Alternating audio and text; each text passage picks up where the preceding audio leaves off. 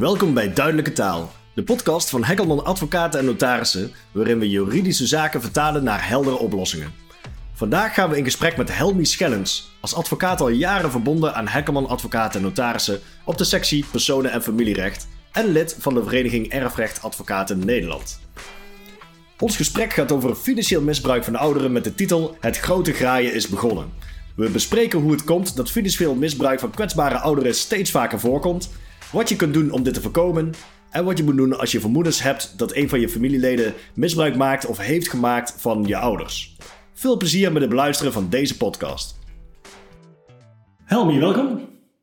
In, eh, eh, je hebt inmiddels vele jaren ervaring als erfrechtadvocaat. Dan heet deze podcast Het Grote Graaien is begonnen als het gaat om financieel misbruik van ouderen. Zie je dat nou echt toenemen de laatste jaren?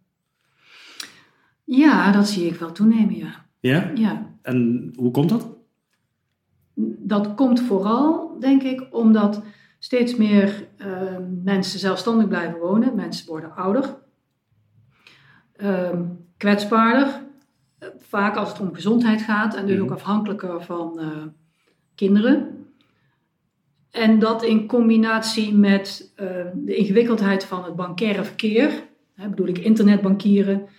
Ja, ik wil zeggen, was dat vroeger dan niet? Waren Nee, mensen vroeger nou ja. kwetsbaar en ziek?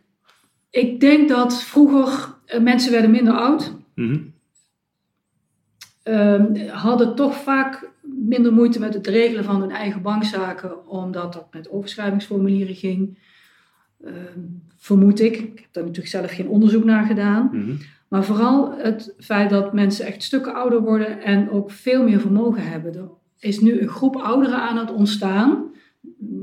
Nog iets meer dan van de babyboom-generatie, denk ik. Mhm. Die best veel vermogen hebben. Die hebben vaak zuiniger geleefd, hebben een eigen huis wat ze verkocht hebben. ehm, of gewoon goed gespaard. Dus er is ook meer om misbruik van te maken. Ja. En vooral het feit dat banken niet meer zo eh, makkelijk te bereiken zijn, maakt dat mensen afhankelijker worden van kinderen. Nou, je hoort ook best veel dat ouder, oudere mensen langer thuis moeten wonen, ook als ze eh, lichamelijk of eh, psychisch beperkt zijn. Ja. Dan wordt het met thuishulp geregeld, thuiszorg. Ja, die doen geen bankzaken. Ehm, ja, en dat levert, vind ik, meer zaken op die gaan over klachten dat een van de broers of zussen geld naar zichzelf heeft overgemaakt of dat er geld is verdwenen. Want dat zijn eigenlijk de meeste zaken die je nou tegenkomt. Dus eigenlijk de kinderen onderling. Ja, meestal wel. En dan is de situatie vaak pas na het overlijden dat dat naar boven komt. Ja, ja. Dus tijdens het leven van ouders hebben kinderen niet veel zicht op de financiën. Of is er één kind eh, dat vertrouwd wordt in het doen van eh, het administratie van, van de ouders. En dan gaat de laatste ouder dood en dan valt die erfenis vrij. Dan gaat men kijken wat er is. Dan heb je bepaalde verwachtingen van die erfenis en dan valt dat tegen. En dan is de vraag, hoe kan dat nou? Want er zou toch veel meer moeten zijn. Nou, dan wordt natuurlijk meteen gekeken naar dat kind wat altijd de bankzaken van de ouder deed. En als de verhoudingen al een beetje moeizaam zijn, dat is in heel veel families het geval, ja, dan heb je vaak toch sneller gedoe. En dan is dat kind, wat altijd de bankzaken deed, eh, snel eh, toch wel beledigd of eh, boos dat hij of zij niet wordt vertrouwd. Transparantie is er niet meer, de bereidheid om überhaupt eens even om tafel te gaan en het eens door te nemen is dan ook zoek. En dan gaan ze naar een advocaat, zoals ik. Ja. En dan wordt er gevraagd van ja, wat kunnen we hiermee doen? Want het klopt niet. En hij of zij heeft het geld eh, weggehaald. En nou ja, dan heb je de pop aan het dansen. Maar je ziet vaak dus dat één kind eigenlijk dan ehm, de financiën toebedeeld krijgt. Of die, die gaat dat beheren voor, eh, Nou, voor de toebedeeld, weet je, het gaat ook vaak niet zo officieel. Nee, nee. Het Ehm, ontstaat Het eigenlijk. ontstaat. Ehm, ouders die zijn wat kwetsbaarder, lichamelijk beperkt, kunnen geen geld meer pinnen. En zeggen dan aan een kind wat heel vaak op bezoek komt: eh, Wil je even geld halen? Hier heb je mijn bankpas, dit is de pincode. Ja. Ehm, en dan gaat dat eh, kind eh, dat doen. Of dat er rekeningen binnenkomen en ja, wil jij dat even voor mij regelen? En nou ja, gaandeweg is dat ook wel comfortabel. En dat kind krijgt dus een bankpas. Dat is een situatie die vaak ontstaat. En er zijn ook formele situaties waarin echt een kind een, een machtiging krijgt van een van de rekeningen van vader of moeder. Uh, en dan is het wat meer geformaliseerd. En als laatste heb je nog de situatie dat bijvoorbeeld, en dat komt steeds vaker voor, er een levenstestament is. Mm -hmm. Daarin leggen ouders vast wat ze willen dat er gebeurt uh, tijdens hun leven, als ze zelf niet meer in staat zijn om hun financiën te beheren of te beslissen of ze naar het verpleeghuis gaan, uh, nou dat soort zaken. En dan wordt er iemand echt door een notaris in een levenstestament aangewezen om ook de financiën te doen. Ja, maar, maar dan ben je het zicht kwijt op, op, op, ja. het vermogen, op het beheer. Die ouders vertrouwen hun kinderen blind. En in heel veel gevallen gaat het ook wel goed. Het is niet zo dat alle kinderen misbruik maken van, van ouderen. Nee. Uh, maar het komt steeds vaker voor. Nou ja, en, en, wat je zegt eigenlijk, het gevoel van wantrouwen. Oftewel, het kind kan volledig alles goed hebben gedaan, maar dingen kosten wel eenmaal veel geld, meer dan sommige mensen in zouden schatten. Wat bedoel je precies? Ik bedoel meer van uh, dat mensen denken, oh, er komt nog een hele grote erfenis. Maar het is simpelweg gewoon, het is simpelweg gewoon op. Dus er is geen geld weggeslagen. Oh nee, maar... natuurlijk. Er zijn ook kinderen die heel zorgvuldig um, uh, de administratie van de ouders beheren. Um, en dat er gewoon ook veel kosten gemaakt moeten worden voor de verzorging en uh, voor thuiszorg of particuliere zorg. ja, dan gaat het heel hard. Ja. Maar waar het de meeste on... Kijk, als het gewoon gepinde betalingen zijn, dan weet je waar het naartoe is gegaan. Thuiszorg, geen discussie. Als het gaat om uh, uh, huisvesting of om medicijnen, dat is nooit het punt. Waar vaak over gesteggeld wordt, dat zijn structurele uh, pinopnames. Dus dan opname per bank of op, gewoon naar de, met, naar de, naar de pinautomaat en dan wordt er structureel geld gepind. Ik heb ja. nu in een zaak, die loopt nu, daar was moeder en zoon die bij elkaar in één huis wonen. Um, en dat was met elkaar vermengd. Maar daar was een situatie ontstaan waarbij elke maand 1000 euro werd gepind. Ja. In stukjes per week. Nou, um, terwijl op dat moment um, nou ja, de vraag ontstond: waar is dat dan aan opgegaan? Ja, dat is dan een bron van, van wantrouwen en ook discussie. Want dan kun je niet zeggen, ja, maar het is opgegaan aan kleding of aan boodschappen of aan de huishoudelijke hulp of aan uh, een uitje. Want dat weet je niet. Nee. En er zijn ook, uh, nou ja, ook wel op, soms betalingen waar ik, in een andere zaak werd ineens heel veel bijvoorbeeld gepind bij de gamma. Ja, ja. Een bouwrekening, allemaal bouwmaterialen bij de praxis, terwijl die moeder in een verpleeghuis zat. Ja, weet je, dat is gewoon niet uit te leggen. Ja, hoeveel schroeven heeft moeder nodig? Bijvoorbeeld. Ja. ja. Dus dan heb je vrij makkelijk, um, nou ja, toch wel bewijs ja. dat er geld gebruikt is van de rekening van moeder voor iets wat ze echt niet nodig had. Nee, en dat toen bleek dat die, die, dat kind had gewoon een deel van zijn verbouwing betaald van uh, de rekening van moeder. En dan? Dus je kan dat eigenlijk redelijk, in ieder geval uh, redelijk hard maken. Uh, nou ben ik de broer van die persoon die zijn hele huis heeft verbouwd en mee. Wat, wat kan ik nu? Nou, die mensen kwamen bij ons en die hadden uiteindelijk alle bankafschriften opgevraagd. Want dat is eigenlijk stap 1. Hoe kom je aan die informatie? Ja. En in dit geval was die broer ook officieel nog bewindvoerder van moeder geworden, door de rechtbank dus aangewezen. Maar die rechtbank die kijkt niet alle afschriften na. Dus die broer moet wel elk jaar verantwoording afleggen, maar niet zo gedetailleerd. Dus um, de zus was in dit geval de erfgenaam. En die kwam bij ons omdat hij uh, bankafschrift had opgevraagd. Dat kan als je een verklaring van erfrecht hebt. En je bent dus officieel uh, erfgenaam. Dan kun je bij de bank gewoon informatie opvragen. Helaas niet heel erg lang terug, want dat is uh, tot zeven jaar kun je het volgens mij wel vragen. Maar dat telebankieren, dat is ook vaak iets wat stopt. 24 maanden of zo, of 18 Zoiets, maanden. Ja. Dus dan heb je al veel moeilijker toegang. Maar goed, dan komen ze en toen bleek al vrij snel uh, dat, uh, dat er wel heel veel geld van die rekening af was gehaald.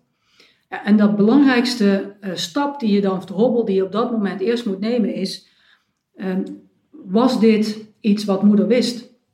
En kon zij overzien ehm, wat haar financiële situatie was? was zij bekend met de opnames door haar zoon? Mm-hmm. Als je als, als in dit geval de zus die uh, broer tot verantwoording wil roepen, mm -hmm.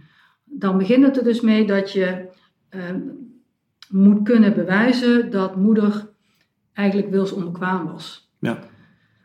Want ouders zijn natuurlijk vrij om te beslissen wat ze met hun geld willen doen. Ja. En als zij het prima vinden eh, dat een kind uh, pint en zegt van weet je prima, je hebt een financiële, wat financiële problemen, alsjeblieft pin voor mij even 100 euro en dat krijg jij. En die ouder is heel goed nog bij zijn verstand en die kiest ervoor om een van de kinderen elke maand wat contanten te geven, dan mag dat. Ja, dus die verbouwing die mag die moeder eigenlijk gewoon bekostigen. In principe mag een, mag een ouder beslissen wat hij met zijn eigen geld doet. En als moeder bedacht heeft van nou, ik vind het wel prima dat die zoon van mij op mijn kosten de verbouwing betaalt en dat hij met mijn pinpas naar de gamma gaat, dan mag een ouder dat in principe zelf beslissen. Maar het probleem in dit soort zaken is dat die ouders dat vaak niet weten en ook niet meer kunnen overzien. Maar dat moet degene die het wil aanvechten wel aantonen. Ja. En in het voorbeeld wat ik gaf was dat niet zo moeilijk, want die moeder die zat in een besloten afdeling in een verpleeghuis. Dus iedereen wist, als je dat vertelt, die kan niet meer beoordelen of dat wel of niet uh, goed gevonden wordt. Ja.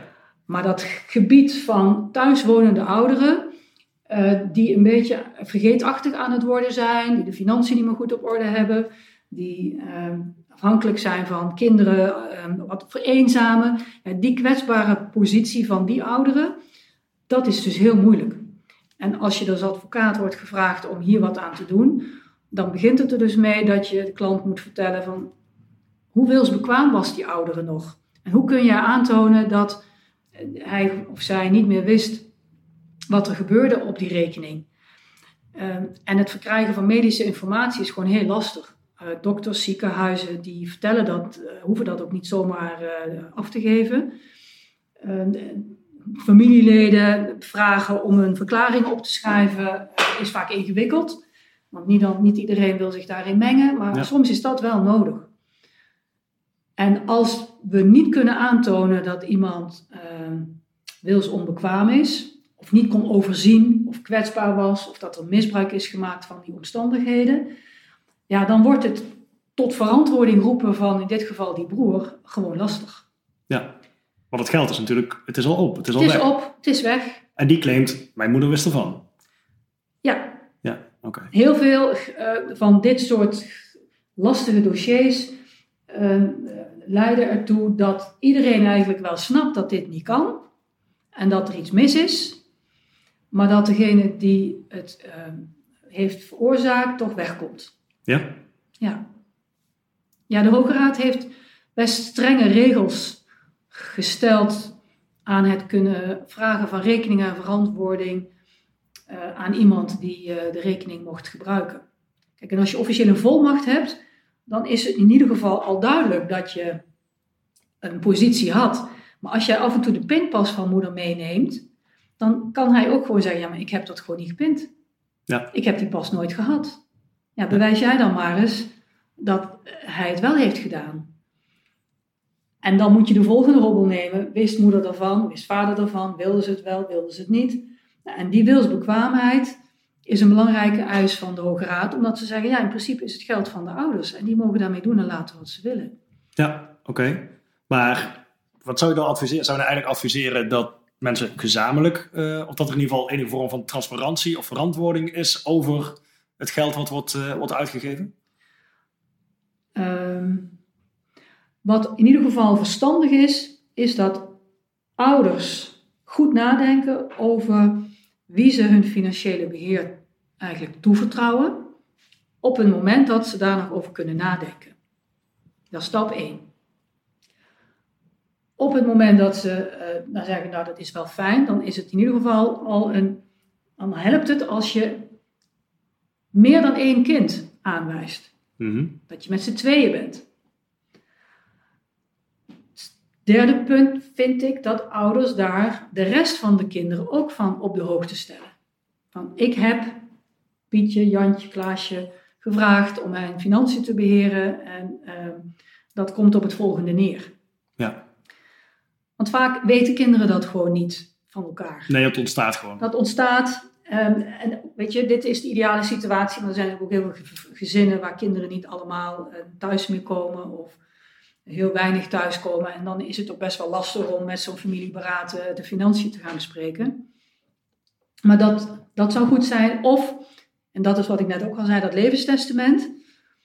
Dat biedt wel uh, de ruimte voor ouders om uh, hun financiën goed te regelen en ook met een, in dit geval notaris te bespreken wat ze willen. Dat voorkomt natuurlijk geen misbruik.